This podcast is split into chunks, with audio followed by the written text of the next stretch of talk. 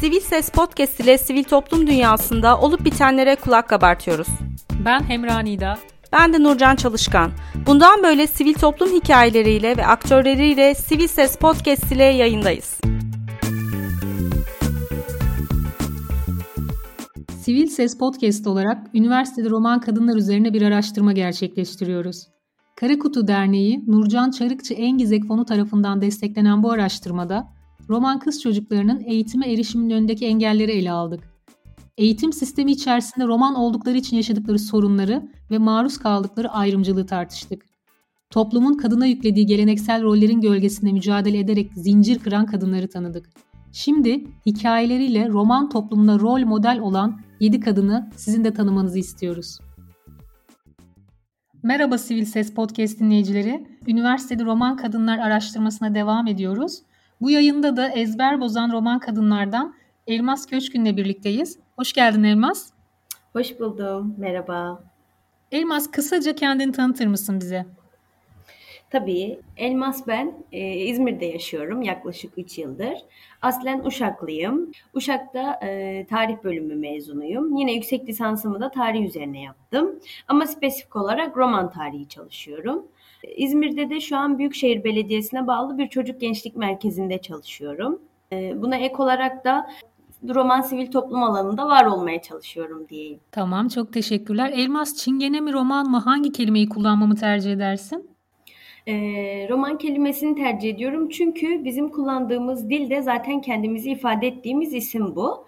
E, Rom'dan geliyor. E, biz kendimizi anlatırken e, Rom diye ifade ediyoruz. E, biz Romuz diyoruz. E, ve bundan türeyen romanı da e, tercih ediyorum öyle söyleyeyim. Elmas çocukken hangi mesleği hayal ediyordun? Ya şöyle, ben çocukken aslında doktor olmak istiyordum ilk başta. Ee, o da galiba şey, e, babaannemi çok seviyordum ben ve babaannem hep hastaydı. o yüzden onu iyileştirme düşüncesiyle doktor olmayı e, ilk başta hayal etmiştim çocukken. Peki yaşam koşulların okumaya e, elverişli miydi? Elverişliymiş aslında ama bunun için bir mücadele etmen gerekti mi? Yani şöyle, benim ailemde şöyle bir durum söz konusuydu. İlginç bir şekilde aile bireylerim benim okumamı çok istediler. Benden önceki halalarım ya da babam ya da amcam çok okumayı tercih etmemişler. Ama bu aileden kaynaklı değil, kişisel tercih. E, ama işte ben okula başladığım dönemde e, derslerimdeki başarılarımın e, başarılarımdan dolayı e, dedem, e, babam hep okumamı çok istedi. E, ben de zaten çok istiyordum çünkü okul benim sosyalleşme alanımdı öyle söyleyeyim. E, böyle. Elmas peki e, okula giderken daha ilkokul sıralarında e, roman olmaktan kaynaklı ayrımcılığa maruz kalıyor muydun? Neler yaşamıştın o yıllarda? Evet. Evet, evet. Yani, eee, kalıyordum çünkü, eee, öncelikle zaten çocuk olmak gerçekten bir yerde acımasız olmak demek. Eee, çocukken bazı şeylerin bilincinde olmuyoruz. Birbiri birbirimize seslenmemiz dahi acımasız olabiliyor. Eee, okul döneminde açıkçası rengimden dolayı ve yaşadığım mahalleden dolayı ciddi bir ayrımcılığa maruz kaldım. Şuna rağmen ayrımcılığa maruz kaldım. Şimdi bizim e, yaşadığımız yerde Uşak'ta Roman Mahallesi'nde e, iki okula gidilebiliyordu. Bunlardan bir tanesi Kürtlerin ve Roman çocukların yoğun yaşadığı bir okuldu. Yo- yoğun olarak bulunduğu bir okuldu. E, bir tanesi de işte daha az Roman, daha az Kürt, daha çok Türk olan bir okuldu. Ee, o okula gidebilmeniz için de biraz torpiliniz ve paranız olması gerekiyordu. O okula kaydımı yaptırdı dedem. Ben o okulda eğitim aldım. Yani daha az Roman'ın, daha az Kürdün daha çok Türk'ün olduğu bir okulda e, eğitim aldım. E, o süreçte rengimden dolayı ayrımcılığa maruz kaldım. E, işte bizi çağırırken ya da arkamızdan işte bak o çingene falan gibi şeyler söylüyorlardı ve biz bunu duyuyorduk tabii ki. Ben o dönemde gerçekten bundan rahatsız oluyordum. Yani e, roman olmak suç muydu, çingene olmak suç muydu ya da işte neden böyle davranıyorlardı bunun sorgulamasını yapıyordum ve e, onlara roman olduğumu, çingene olduğumu göstermemeye çalışıyordum. Yani bildiklerini bildiğim halde e, bir şekilde kendimi gizlemeye çalışıyordum. Mesela benim okulumun olduğu yer Uşak'ın merkez pazar yerinin olduğu bir yerdi. Her çarşamba işte annemler, babaannem, pazara alışveriş yapmaya gelirlerdi ve mutlaka hani okulun o köşesine uğrarlardı işte e, bana harçlık verirlerdi ya da ne bileyim karşıdan bir şeyler yaptırırlardı döner sandviç falan onu verirlerdi. Mesela e, onlar benimle o şekilde iletişime geçtikleri sırada arkadaşlarım onları görecek bana işte aa çingene bak görüyor musun diyecek diye ben ödüm kopuyordu. Yani çünkü benim ailem e, kültürünü taşıdığı için şalvar giyer yani 50 metre öteden görseniz dersiniz yani bu bunlar roman kadınları bunlar. O yüzden hani bir çekinme durumu vardı arkadaşlarım görecek benimle dalga geçecek falan diye. Ama daha sonra e, bunu kabullendim. Yani dedim ki ama bu kötü bir şey değil ki. Yani benim yaptığım yanlış bir şey aslında. Onların yaptığı bu ayrımcılığı bu şekilde şey yapamam, üstesinden gelemem yani. Hani e, kimliğimi kabul etmeliyim, ailemi kabul etmeliyim ve onlara karşı bir e, savunma mekanizması oluşturmalıyım, sert olmalıyım falan gibi şeyler geçiriyordum ilkokulda aklımda ve böyle de yaptım öyle söyleyeyim. İlkokulda ve ortaokulda yaşadığım bu travma e, lisede devam etmedi. Lisede e, bir şekilde bu sorunun üstesinden geldim ve kimliğimi kabullendim öyle söyleyeyim. Ya şeyi merak ettim. Kimliğini kabullenme sürecine giden e, o yolda o mekanizmayı nasıl geliştirdiğini merak ettim. Yani bir idrak var sonuçta orada. E, ben aslında birkaç kere öteki biriyim bu toplumun. E, şimdi ben Alevi bir aileye mensubum. E, hem Aleviyim hem Romanım. E, hem bulunduğum bölge dezavantajlı bir bölge. E, yani yaşadığım Uşak'taki mahallem dezavantajlı bir bölge. E, şimdi bunları tek tek düşünmeye başlıyorsun aslında. Yani bu yanlış bir şey mi? Önce bunu soruyorsun kendine. Ben bu sorgulamayı işte ortaokul, lise döneminde yapmaya başladım. Bir de şu da var yani e, ben başarılı bir öğrenci olduğum için öğretmenlerim tarafından, e, okul idarecileri tarafından seviliyordum. Bir de hani sosyalleşebildiğim farklı alanlar da vardı. İşte satranç oynuyordum, satranç turnuvalarına katılıyordum falan böyle. Yani e, o sırada kendimi ifade ederken hiç roman olduğumu e, söylemek acı vermedi bana. Ama ilkokulda ve ortaokulda söyleyemiyordum bunu. Anlatabiliyor muyum? Belli bir süre sonra bu gerçek var ve bu gerçeği kabulleniyorsun. E, ya buna karşı e, yalan söyleyeceksin. Roman olduğun halde roman olmadığını söyleyeceksin. Ya da var olan gerçeği sürdüreceksin. Evet romanım ve bu yanlış bir şey değil. Evet Aleviyim e, ve bu yanlış bir şey değil. Evet annem şalvar giyiyor ve bu utanılacak bir şey değil. Bu benim kültürümün bir parçası. Aslında bu bilince ulaşmak biraz kendinle konuşmakla başlıyor. Çünkü e, ben o süreçte de kendimle konuşabiliyordum öyle söyleyeyim kendimle bu sorunların çözümü noktasında iletişim kurabiliyordum. Ve tabii ki öğretmenlerimin de bu konuda ciddi bir desteği oldu. Ee, özellikle ilkokul öğretmenimin. E, çünkü öğretmenler gerçekten çok önemli. Bunu öğretmen olduktan sonra anladım. Eğer ki çocukla o süreçte kurduğun iletişim e, dışlama ve ayrımcılık üzerinden değilse çocuk bir şekilde sana tutunuyor.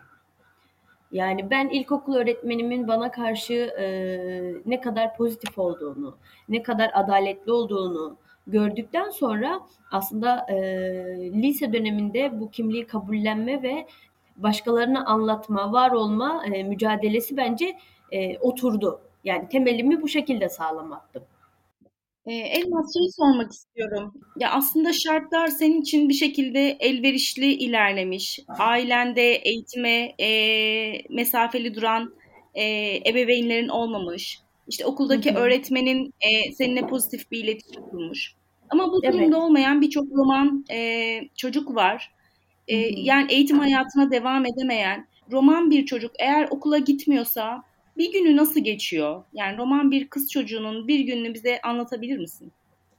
Yani şimdi şöyle evet benim için şu şekilde elverişliydi şartlar. Evet ailem e, okumamı istiyordu. Evet öğretmenlerim başarılı olduğum için ve okulda aksi bir şey yapmadığım için e, beni kabullenmişlerdi ve bu şekilde devam etmemi istiyorlardı. Ama okulda biraz şımarırsan, biraz sıra dışı şeyler yaparsan bu direkt senin e, dışlanmana da sebep olur. Bunun da altını çizmek istiyorum yani. Hani onların koşullarına boyun eğdiğim için, onların koşullarını kabullendiğim için, onlar gibi olmaya çalıştığım için aslında ben orada e, olumsuz bir şeye maruz kalmadım. Öyle söyleyeyim. Ama mesela gitseydim, e, başkalarıyla kavga etseydim, e, ya da ne bileyim işte romanların üzerine etiket olmuş bazı e, davranışları sergileseydim eminim ben de dışlanırdım. Bunun altını çizip diğer soruya devam edeceğim.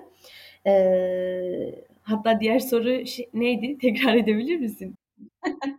roman kız çocuğunun bir günü nasıl geçiyor diye Evet, heh, roman kız çocuğunun bir günü nasıl geçiyor söyleyeyim. Şimdi roman mahallesinde oturuyorsanız bir kere hayat çok canlı ve çok renkli. Çok güzel yani. Ee, şimdi biz mesela e, uykudan uyanıyoruz roman müzikleriyle. Anlatabiliyor muyum? Yani mahalle çok canlı. Yani mahalle aslında e, evin içi bir mahalle gibi. Özellikle yazsa, hava güzelse falan böyle müzik sesleriyle uyanıyorsun.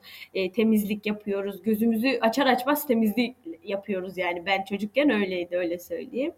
E, bizim gündelik yaşamımız güzel geçiyor. Çünkü biz e, iç, iç, iç içe yaşayan bir toplumuz. Yani Elmalı Dere diye bir yerde yaşıyorum ben Uşak'ta. Yani e, birbirine çok uzak mesafede olmayan yakın evler e, ve çok e, mahalle ilişkisi çok iyi bir mahalleden bahsediyoruz. Yani birlikte otururuz, kalkarız, e, birlikte yemek yeriz, düğünlerimiz zaten hep beraber olur. E, onun dışında sürekli insanlar birbirleriyle iletişim halindedir yani çok canlı. Çocuklar bir köşede oynar, yeşillikli bir mahalle böyle çok güzel. Hayal edebiliyor musunuz bilmiyorum ama çok güzel bir mahalleden bahsediyorum. Ee, ve hani gün içerisinde evdeki işler bittiyse mesela kesinlikle bir kız roman bir kız çocuğu e, 7-8 yaşından sonra ev işi yapmaya başlıyor yani onu söyleyeyim. E, evdeki işler bittikten sonra mahalleye inersin. E, diğer arkadaşların gelir. E, birlikte oturursunuz, sohbet edersiniz, roman müziği çalar bir yerde, bir yerlerde oynarsınız. E, düğün varsa birlikte düğünlere gidersiniz, süslenirsiniz. E, onun dışında mesela ailenizde hala bohçacılık yapmaya devam eden kişiler varsa işte annenizle birlikte bohça yapmaya gidersiniz. E, yani eğer tabii babanız da buna dahil, arabanız varsa arabayla birlikte o o ürünü malı satmaya gidersiniz. Yani bu şekilde özetleyebilirim. E, peki roman kız çocukları e, ya da roman e, kız çocukları diye ayırmayalım da roman çocuklar e, kaçıncı sınıfa kadar okuyabiliyorlar? E, yani erkeğin oku erkeği okutmaktaki e, oranla kız çocukların okuma oranı arasında e, nasıl bir şey var, denge var? Şimdi şöyle söyleyeyim. Tabii ben bu soruya cevabı Uşak özelinde vereceğim. E, çünkü her yerelin durumu biraz farklılaşabiliyor. Şimdi benim dönemimde ilkokul 5'te. Erkek de kız da. Yani bizde şöyle bir şey yoktu aslında. Çok yoktu. Ee, birkaç tane istisnai aile dışında yoktu yani. Hani roman kız çocuğu okumaz, erkek e, okur. Hayır yani bizde romanı da okumuyorsa, ya roman kız çocuğu da okumuyordu, roman erkek çocuğu da okumuyordu. Ee, hani ama hani e, okuyanlar arasına baktığımda roman erkek mi daha fazla, kız mı daha fazla diye düşünüyorum. Uşak yerelinde eşitti bence. Yani e, öyle çok roman kız çocuğu okumaz da roman erkek çocuğu okur, onu okutalım e, gibi bir algı Uşak'ta yoktu. Elmas, e, az önce kendi kişisel hikayenden örnek verdin aslında roman çocukları neler yaşıyor diye. Peki bugünkü roman çocuklarının yaşadıklarıyla ilgili bir bilgin var mı? Neticede aradan yıllar geçti, sen de öğretmenlik yaptın. E, bugünkü roman çocuklar okulda nelerle karşılaşıyorlar? Şimdi şöyle söyleyeyim, e, bir tık ileri gidiyoruz şu an. Şimdi benim dönemimde e, okula giden çocuklar en fazla ilkokul 5'te. Yani benim ailemde bu arada üniversite okuyan, liseyi bitiren, üniversite okuyan tek tek kişiyim ben. Kadın erkek olmak üzere tek yani. Ee, şimdi bakıyorum mesela kendi ailemden birilerine bakıyorum.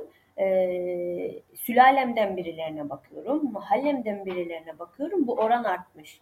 Eskiden ilkokul 5 iken şu an en az ortaokul mezunu en az e, ama geneli çocuklarımızın liseye gidiyor. Liseye gidiyor gidemedikleri şey üniversite artık. Çünkü neden? E, biz e, mahallemizde hem Uşak'ta hem farklı yerlerde biraz daha e, okumanın ne kadar önemli olduğunu, neler başarabileceklerini, neler yapabileceklerini göstermeye çalışıyoruz. Anlatmaya çalışıyoruz. Aileler de bir tık daha bilinçli. Şimdi benim annem hiç okula gitmemiş. Ama kızı bir şekilde e, işte okumuş, diğer e, çocukları e, biri liseye kadar gelebilmiş, e, biri ortaokulu bitirmiş falan. E, ama şimdi benim çocuğum veya işte ortaokulu bitirenin çocuğu farklı bir bilinçle büyüyor. Anlatabiliyor muyum? Eğitim e, her halükarda bir şey katıyor insana. Yani ilkokul mezunu veya ortaokul mezunu bir annenin, bir babanın e, okula teşvikiyle hiç okumayan bir annenin babanın okula teşviki arasında da bir fark oluyor. Yani çocuğum bak biz okumadık sen de oku e, demek yerine bak biz okumadık bu şartlardayız ee, okuyan öğrenciler bu şekilde ben senin için şunu yaparım, bunu yaparım ee, söylemi arasında ciddi bir fark var. Yani eğitim oranı arttıkça, bilinç arttıkça çocukları oku, okula gönderme oranı da artıyor. Bilmiyorum anlatabildim yani genel mi? olarak tabii. Genel olarak iyiye doğru bir gidiş var o zaman. Evet, evet, evet, evet. Ben öyle düşünüyorum. Yani çünkü hani mukayese yapabiliyoruz az çok. Yani kendi dönemimde okula giden öğrencilerle bu dönem okula giden öğrenciler arasında ciddi bir uçurum var. Yani e, bir de hani çocuklarla sohbet ediyoruz. Bir de ben hani şey biriyim. E, mahalleme her gittiğimde ev ev dolaşırım. Kim okula gidiyor, kim gitmiyor bakarım. E, hani desteğe ihtiyaç var mı, yok mu? E, çocukların bir problemi var mı? Özellikle kız çocuklarının. Hani e, dokunabiliyor muyum gerçekten ya da dokunduruyorlar mı? Bunları biraz hani gözden geçiririm falan. Şimdi bir de sohbetimiz bile değişti çocuklarla. Yani daha bilinçliler, daha dünyaya gözlerini açmaya başladılar. Evet kendi kültürlerinden e, kopmalar da söz konusu ama kendi kültürlerine bağlanıp dünyayı görmeye çalışma çabası da var. Yani e, bence güzel gelişmeler oluyor. Sen bu bağlamda topluma da rol modelsin aslında değil mi? Tabii ki yani e, bunu övünmek için söylemiyorum e, ama şöyle bir şey var artık sesimizi duyuyorlar. Yani neden? Şimdi okuduk e, kendimizi bir şekilde geliştirdik, geliştirmeye devam ediyoruz e, ve bir yerlerdeyiz. Ama şimdi e, mahalleye gidiyoruz. Okumamış bir arkadaşım var. Şu, benim çocukluk arkadaşlarımın hepsinin şu an üç çocuğu var en az. Öyle söyleyeyim. ben evlenmedim. Ee, şimdi oturuyoruz böyle yaşlılarla, orta yaşlılarla sohbet ediyoruz falan böyle. Hani diyorlar ki e, anlatsana diyor Elmas mesela ne yapıyorsun, e, ne iş yapıyorsun, ne kadar kazanıyorsun, ya da hani ben roman tarihi üzerine çalışıyorum bunu bildikleri için roman tarihine yönelik sorular soruyorlar. Şimdi ben anlatmaya başlıyorum sohbet bitmiyor. Uzuyor, uzuyor, uzuyor ve çok keyifli bir hal alıyor. Ama mesela benim arkadaşlarım e, evli olmuş, evlenmiş, erken yaşta evlenmiş, çoluğa çocuğa karışmış insanlar sadece hayata dair sistemlerinden bahsediyor. Şimdi bu iki yaşam arasındaki uçurumu görebilen bireyler çocuklarını da buna yönelik artık eğitmeye başlıyorlar. Diyorlar ki bak işte e, X okumadı da böyle oldu. Bak Elmas okudu şu an bunları söyleyebiliyor. Yani bak sen de okumalısın gibi e, şeyler oluyor. O yüzden tabii bu gurur verici bir şey. Gönül ister daha da artsın. Ee, bu araştırmanın e, kapsamı da biraz buydu aslında. Üniversiteli roman kadınların e, sürecini takip etmek amacıyla e, bu yola çıktık. Anladığım kadarıyla üniversitede roman kadınların sayısında da artış var. Yani artık daha rahat örgütlenebiliyorsunuz, bir araya gelebiliyorsunuz, sivil toplumda koşturuyorsunuz. Gözlemleyebildiğim de bu benim ama. Yani şöyle, ben üniversiteye başladığım ilk yıl değil, ikinci yıldan itibaren roman sivil toplum alanında olmaya başladım. Öyle söyleyeyim. Şimdi mesela şimdi ben ayrı, ayrıca şeyde çalışıyorum. İşte Refrera projesinde çalışıyorum. Bu da işte roman öğrencilerinin desteklenmesiyle alakalı bir burs projesi. E, Trakya Edirne Genç Romanlar Derneği'nin e, yönettiği, REF'in desteklediği bir burs projesi. E, Türkiye'nin belli şehirlerindeki roman öğrencilere e, lise ve üniversite öğrencileri olmak üzere burs e, sağlıyoruz. E, ve burada da aslında bunu gözlemleyebiliyorum bu proje aracılığıyla da gözlemleyebiliyorum. Eskiden bu projelerde ya da bu burs akışlarını ulaştıracak öğrenci bulamıyorlarmış. Yani geçmişte bu çalışmaları yürüten insanların bize söylediği bu. Biz şimdi bursu yetiştiremiyoruz. Yani şu an öğrencimiz daha fazla ama desteğimiz yok. Yani desteğimiz az. Desteğimiz artık yetmiyor. Yani e, benim şu an mentörlüğünü yaptığım üniversite öğrencilerim var. Geçen yıl 16 öğrencinin, e, 16 üniversite öğrencisinin mentörlüğünü yapmıştım bu proje kapsamında. E, bu sene e, 5 öğrencim var ama e, daha fazla mentor olduğu için daha az öğrenci aldık. Daha sağlıklı iletişim kurabilmek adına. E, şu an mentörlerimiz de roman, öğrencilerimiz de roman. Yani gelişmeyi görebiliyor musunuz? Bu benim için ya da e, bizim toplumumuz için ciddi bir gelişme. Elmas peki e, üniversite yıllarında en çok ayrımcılığa maruz kaldığın zamanı hatırlıyor musun diye soracağım. Ve bu e, ayrımcılığa maruz kaldıktan sonra keşke roman olmasaydım dediğin bir an oldu mu? Neden romanım ben diye isyan ettiğin bir an oldu mu? Aslında şöyle, e, hani ortaokul sürecinden sonra, lisede kimliğimle barışmadan sonra aslında benim hiç roman olmamla ilgili bir sorunum olmadı. Ama tabii olumsuz birçok şey yaşadım. Ciddi ayrımsız, ayrımcılığa maruz kaldım. Özellikle üniversite döneminde. Ee, hani bu biraz benim daha şey e, özel alanım öyle söyleyeyim. Ee, hani bu ayrımcılığı bahsedebileceği bahsede şu an bu ayrımcılıktan herhalde söz edemem. E, ama ciddi bir ayrımcılıktı benim için. E, ama şunu söyleyebilirim özet olarak. E, bence Türkiye'de, Türkiye'nin şöyle bir gerçekliği var. E, ayrımcılığa maruz kalan başka bir topluluk, başka bir topluluğa gerçekten daha acımasız bir şekilde ayrımcılık uygulayabiliyor. Ben üniversitede aslında bunu deneyimledim. Ee, ama tabii ki de ne kadar ayrımcılık yaşarsam yaşayayım, e, hiçbir zaman roman olduğumla ilgili bir e, şikayetim olmadı. Yani keşke roman olmasaydım, yani e, keşke bu dünyaya böyle gelmeseydim demedim. Ama şunu söyledim, şunu söyleyebilirim. Keşke dünyadaki tüm kimlikleri yakabilseydim dedim. Yani dünyada o kadar çok kimlik var ki birbirini yargılayan e, birbirlerini kategorileştiren e, o yüzden hani hiçbir kimlik olmasaydı dediğim zaman oldu ama e, keşke roman olmasaydım dediğim zaman olmadı. Peki üniversitede bu ayrımcılıkla nasıl mücadele ettin? Ee, senin gibi roman arkadaşların var mıydı? Onlarla birlikte e, örgütlü bir çalışma ya da bir birliktelik, e, bir beraberlik oluşturdunuz mu? Yani şöyle söyleyeyim, e, üniversitede roman arkadaşlarım benim alt e, sınıflarımdan birkaç tane oldu. Onlar da Uşaklıydı. E, tanıdığım ailelerin çocuklarıydı. Ama onlarla bir örgütlenme içine girmek yerine daha akademik çalışmalara yöneldim ben öyle söyleyeyim. İşte e, ayrım işte öteki grupları çalışan hocalarımla iletişim kurmaya çalıştım. Ee, onların e, yaptığı çalışmalara yardımcı olmaya çalıştım. Çünkü onlar saha olarak e, Uşak'taki roman mahallelerini kullanıyorlardı çalışmalarında. Onlara yardımcı olmaya çalıştım ve yardımcı olurken de aslında kendimi geliştirdim. Çünkü ben de bir, ak- bir akademisyen olmak isteyen birisiydim. Hani çalışmalar nasıl yürüyor, nasıl yürütüyorlar, bakış açıları ne, e, detayları ne. Üniversite döneminde bunları öğrenmeye çalıştım aslında. Ee, onun dışında zaten hani kimliğin bilincinde olan birisiydim ee, ve hiçbir zaman da hani kimliğim dışında bir çalışma e, yapmadım. Her zaman yaptığım çalışmalarda bir şekilde kimliğimi de o e, yerde var etmeye çalıştım. Öyle söyleyeyim.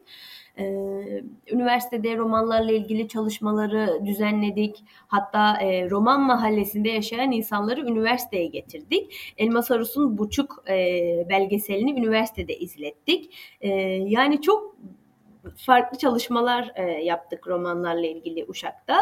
E, öyle söyleyeyim, öyle özetleyeyim. E, ama zaten şeydi yani üniversitede de e, bu kimlik mücadelesi hiçbir zaman benden kopuk ilerlemedi. E, ben öteki gruplara da duyarlıydım. Yani e, romanlar dışında ayrımcılığa maruz kalmış, ötekileştirilmiş diğer gruplara dahil de şeyler okuyordum, araştırıyordum, öğrenmeye çalışıyordum. Yani zihnim ve bilincim bu, bu konuda bence açıktı. E, ki bu benim için bence bir avantaj. E, romanları da bu ötekilik içerisinde bu şekilde rahat değerlendirdim. Yani üçüncü bir göz olmayı öğrendim. Romanlığımı bir kenara koyup, e, üniversite döneminden bahsediyorum. Romanlığımı bir kenara koyup üçüncü bir kişi olarak, kimliksiz bir kişi olarak, bir e, farklı bir kişi olarak hani e, grupları da görmeyi öğrendim. Ya da görmeye görmeye cesaret ettim, denedim. Elmas sen de bu bilinç e, gerçekten e, yani çok küçük yaşlarda e, başlamış. Peki genel olarak baktığında romanlar e, en temel haklarının farkında mı? Yani toplum olarak bir hak arama mücadelesi ya da bir hak arama bilinci var mı sence? Yeni yeni evet. Şimdi şöyle roman sivil toplumunun Türkiye'deki tarihi çok da köklü değil. 20-25 yıllık bir süreçten bahsediyoruz. Biliyorsunuz toplumsal değişimler yüzyılları alan bir şeydir. Hemen öyle kolay olmaz. Ve hani binlerce yıldır e, dışlanmış bir toplumdan bahsediyoruz. E, tabii ki de hak arayışları öyle diğer toplumlar gibi ilerlemiyor. E, biraz daha hani böyle bunlar yani romanlar şunu kabullenmişler aslında. E, biz bu toplumun ötekisiyiz. Biz bir şekilde bu toplumun e, dışında kalanlardanız. E, ya bu topluma entegre olmak için mücadele edeceğiz ya da biz de onlardan uzak duracağız gibi bir algı var. E, ikinci söylediğim daha geçerliydi. Yani e, aman onlar bizi dışlıyor biz de onlardan uzak duralım bana değme bin yaşasın e, gibi bir algı vardı ama artık öyle değil. Yani romanlar eskiye göre daha yerleşik. Yani benim çocukluğuma göre, benim çocukluğumda da yarı göçebe bir durum vardı. E, şu an daha yerleşikler ve bulundukları bölgelerde e, iş piyasasına bir şekilde girerek e, diğer e, toplumun e, kalın tabakasıyla bir şekilde etkileşim içerisindeler. Bu etkileşim sırasında ya söylediğim gibi kimliklerini reddedecekler, e, onların e, kimliklerinin altına sığınacaklar ya da varlıklarıyla bir şekilde devam edecekler. Bu ikisini seçmek zorundalar. Şimdi bakıyorum mesela Uşak'taki romanlara e, bu kimliği gayet kabullenmişler ve iş piyasasında bir şekilde olmaya çalışıyorlar ve gayet başarılı e, iş insanları var burada.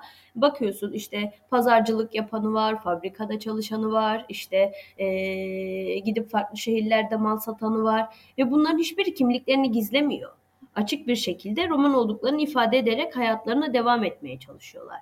Şimdi bunları yapmışken e, bir yerde artık şu bilinç oluşuyor. Ben e, bu ülkenin bir insanıyım, yurttaşıyım. E, nasıl onların e, bu tarz e, hakları var benim yok. Yani onlar bunlara ulaşabiliyorsa ben de bunlara ulaşabilirim. Çünkü biz eşit şartlarda yaşıyoruz. Artık bu bilinç oluşuyor. Anlatabiliyor muyum? Yani onlarla etkileşim halinde olduğumuz sürece onların yaşantısından kendilerimize de bir pay çıkarabiliyoruz. E, diyoruz ki onlar bu hakka sahipse ben de bu hakka sahip, sahibim. Yani hani bir farkımız yok deyip hak arayışına yönelen insanlar var. Yani eskiden daha e, aman benden uzak olsun ne yaparlarsa yapsınlar. Aman bana zarar gelmesin. Derken artık insanlar e, ama olur mu öyle şey? Hani ben de mücadele etmeliyim ben de hakkımı aramalıyım ee, söyleminin geliştiğini görebiliyorum. Yani e, en ufak bir e, ayrımcılık olduğunda e, toplumda ciddi bir ses çıkıyor artık işte pandemi döneminde yaşanan e, haksızlıklar ya da ne bileyim işte e, insanları kentsel dönüşümde e, konumlandırmaları, kentsel dönüşümde aldıkları yerler yani insanlar da ister istemez bir tepki oluşturuyor. Yani insanlar da artık ses çıkarmaya başladılar. Yani ben bu, bu şekilde gözlemledim açıkçası. Yani bilinç oluşmaya başlamış. Peki senin e, yine yaptığın çalışmalardan ya da gözlemlerinden yola çıkarsak e, rastladığın en vahim insan hakları ihlalleri neler bu bağlamda? Açıkçası ben e, yerinden etmelerin çok e, ciddi problem olduğunu düşünüyorum. Ee, yani pandemi döneminde gerçekten insanlar ciddi bir şekilde e, gıda, temizlik malzemelerine ulaşamadı. Ee, insanlar çalışamadı. Ee, ki bizim insanımız daha çok sokak ekonomisiyle hani e, geçimini sağlayabilen insanlar bu süreçte ulaşamadılar yani bunlara ve ciddi bir sıkıntı oldu yani. Ve bir şekilde ses çıkarmaya çalıştıklarında da biliyorsunuz devletin belli kademelerinden insanların işte geber söylemleri ya da işte e, bunlar da hep böyle işte görüntü kirlilikleri gibi böyle e, ayrımcı ifadelerine maruz kaldı romanlar. E, şimdi bu insanların belli yaşam alanları var. Maalesef günümüzde Türkiye'nin birçok yerinde kentsel dönüşüm adı altında bu insanların yaşam alanları işgal ediliyor. Yani bu insanlara yerinde dönüşüm sözleri veriliyor. Bir şekilde anlaşma yapmaya çalışılıyor, yapılıyor. Daha sonra sonucunda ise bu insanların e, kendi e, kendilerini ifade ettikleri gibi bir yaşam alanıyla karşılaşmadıkları görülüyor. Sulukul örneği. Yani çok bilindik bir örnek mesela. Yani bu Türkiye'nin birçok yerinde şu an sürdürülüyor. E, bu bence ciddi bir problem. Çünkü insanları yerinden ediyorsunuz. E, onun dışında gerçekten istihdama erişim de ciddi bir problem. E, hak ihlali yani. E, bu çoğaltılabilir. Bir de şöyle bir şey var gerçekten. Şu bir gerçek. E, bu haklara ulaşma noktasında aslında bütün haksızlıklar birbiriyle paralel e, işte eğitime erişememe, sağlığa erişememe, istihdam edilememe, e, ciddi bir ayrımcılığa ve önyargıya maruz kalma, e, yerinden edilme. Bunların hepsi birbiriyle aslında paralel, paralel sorunlar. Yani birine maruz kalan, bir haksızlığa maruz kalan e, böyle diğerlerine de dolaylı olarak zaten maruz kalıyor. Çok çok güzel özetledin Elmas. Peki e, bilinçlenme var dedin ama bu bilinçlendirmenin arttırılması için yani bu hakların ihlal edildiğinin fark edilebilmesi için toplumda başka neler yapılabilir? Yani şöyle, e, belki çok klişe gelecek ama e, ben e, hali hazırda hayatımdaki e, gözlemlediğim etkisiyle bunu söyleyeceğim. Eğitimi arttırmak gerekiyor. Yani çocuk eğitimleri, ebeveyn eğitimleri bu eğitimlerin arttırılması gerekiyor. Gerçekten insanları bir şeyin doğruluğuna ikna ettikten sonra o insanların yaşam tarzı değişiyor. Gerçekten değişiyor. Yani eskiden yani her ne kadar şey olsa da mesela e, çocukluğumdan örnek vereyim. E, çocukken bizim Alevi olmamız e, kimlik tanımımızda. Çünkü Alevilik Romanlıktan bir tık daha kaliteli diye düşünülüyordu. Anlatabiliyor muyum? Ama şimdi dönüp baktığımda e, ben artık roman tarihi üzerine çalışmışım. 3 senedir e, bu alanda çalışıyorum ve 3 senedir gidip mahalleme, aileme roman olmanın nasıl bir şey olduğunu, kültürünü, deneyimlerini, öğrendiğim her şeyi kısacası anlatıyorum. Bu insanlar kimliğiyle barıştı. Yani eskiden e, %100 bir başarıdan söz etmiyorum bu arada bazıları için en azından benim kendi ailem için. Hani eskiden sadece ya biz Roman mıyız ya Aleviyiz derken şimdi Romanız ve Alevi inancına sahibiz diyebiliyorlar. Bu ciddi bir değişim. Yani iş yine eğitimde bitiyor. Eğitimli bireyler arttıkça, eğitimli ebeveynler arttıkça bu çocuğa da aşılanacak. Yani bu e, ben bugün talep ettiğim şeyler buyken e, bir 10 yıl sonra 20 yıl sonra talep ettiğim şeyler farklılaşacak. Yani çünkü bilinç değişiyor. Anlatabiliyor muyum? Şu an insanların tek derdi e, ya da hani toplumun büyük bir kısmının derdi istihdam ve e, işte eğitime erişim ya da sağlığa erişim iken e, bunlara eriştikten sonraki kaygıları farklı olacak. Anlatabiliyor muyum? E, yani iş yine eğitimde bitiyor. Yani ben şöyle ben şunu bilmezsem benim temel insan haklarına e, hakları konusunda bir fikrim olmazsa, bu bana anlatılmamışsa, bu bana öğretilmemişse ben nasıl bu konuda mücadele verebilirim? Mücadelem tamamen şey olur böyle. ilkel bir mücadele yürütebilirim. E, ama e, hukuk bilirsem, hakkımı ve hukukumu bilirsem, e, Türkiye şartlarında buna nasıl ses çıkarmam gerektiğini bilirsem, bunun yöntemini bilirsem e, mücadele tarzım da değişir. Peki Elmas, e, özellikle roman kız çocuklarının eğitim hakkına erişmesi toplumda neleri değiştirebilir? Çok şey değişir. Gerçekten çok şey değişir. Hani belki bu pozitif bir ayrımcılık olacak ama roman kadınlarının daha çok okunması gerekiyor. Yani çünkü biz gerçekten e, bence büyük bir çoğunluğumuz hala ana, ana erkil yapıda olan bir toplumuz romanlar. E, hani bizim öğrettiklerimiz çocuklarımıza öğrettiklerimiz daha farklılaşacak. Düşünebiliyor musunuz? Yani e, bu daha fazla bu oran çok artacak roman kadınlar eğitimde e, olduğunda. Yani ben öyle düşünüyorum. Sesimiz ve sözümüz daha fazla çıkacak. E, Peki bu değişim için nasıl bir mücadele yöntemi geliştirmek lazım? Ya da sen e, yani bu değişim için neler yapıyorsun? Yaptığın e, projelerin, çalışmaların var mı? Bunlardan bahsedebiliriz aslında. Yani bir kere fırsat eşitliği. Yani gerçekten yine çok klişe bir söz olacak ama öyle. Fırsat eşitliği çok önemli bir şey. Şimdi yani e, hepimiz karma eğitim sistemine dahiliz mesela. E, şimdi annesi babası öğretmen. E, sabah kahvaltısını yapıp gelmiş. Akşam evine gitmiş. Yemeğini yemiş, oturmuş e, dersini çalışmış bir öğrenci profili düşünün.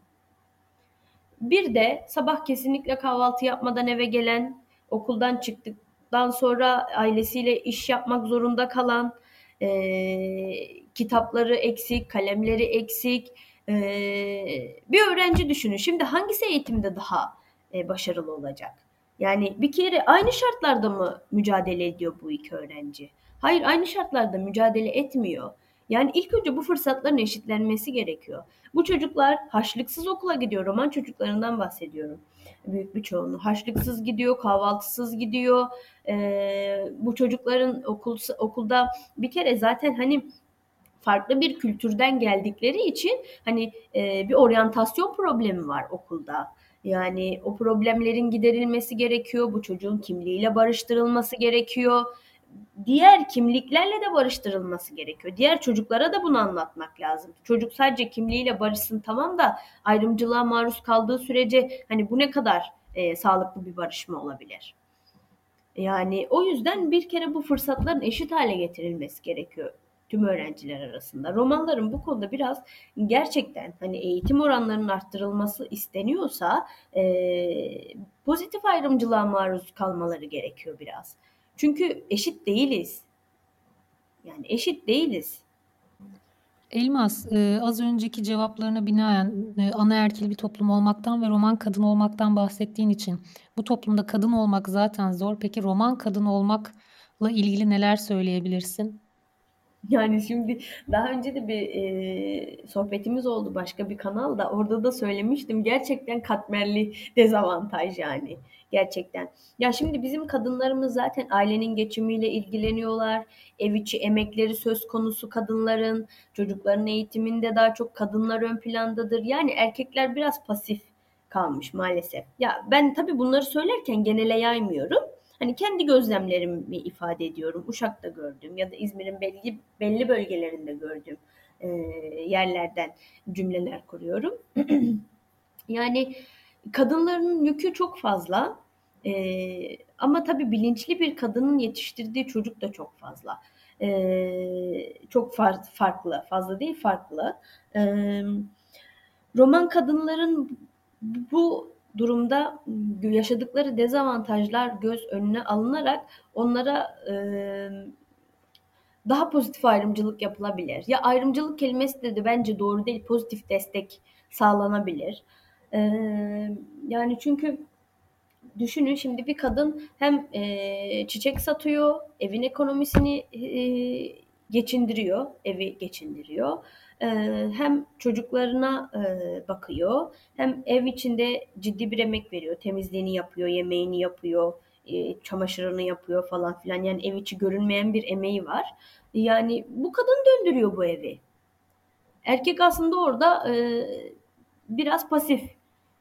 Yani şimdi bu tarz kadınların yükünün biraz alınması gerekiyor. Bu kadınlara teşvik e, yapılması gerekiyor. E, bu kadınların e, sağlıklı bir e, işe ihtiyaçları var. Bu kadınları hani sağlıklı bir işi kanalize etmek gerekiyor. Yani bu kadınları geliştirmek için e, çalışmaların arttırılması gerekiyor. Ben öyle düşünüyorum. E, mesela ebeveyn eğitimlerinden bahsetmiştim. Hani burada belki erkeklere de var olan bu gerçekliğin gerçeklik çıplaklığıyla gösterilirse belki onlarda da e, durum değişebilir bilmiyorum. Ama kadınlar e, kat ve kat dezavantajlı durumda roman toplumu içerisinde. Konular itibariyle çok iç açıcı konular olmasa da gerçekten çok akıcı ve e, çok gidişatı iyi bir programdı. E, teşekkür ediyoruz biz. E, Bitti mi? Benim de anlatacağım çok şey vardı halbuki. Elmas çok öğretici bir yayındı benim için de. Ee, yayından sonra biz konuşmaya devam edebiliriz. Ee, çok teşekkür ediyoruz katıldığın için. Ee, bir sonraki Sivil Ses Podcast'te görüşmek üzere. Hoşçakalın.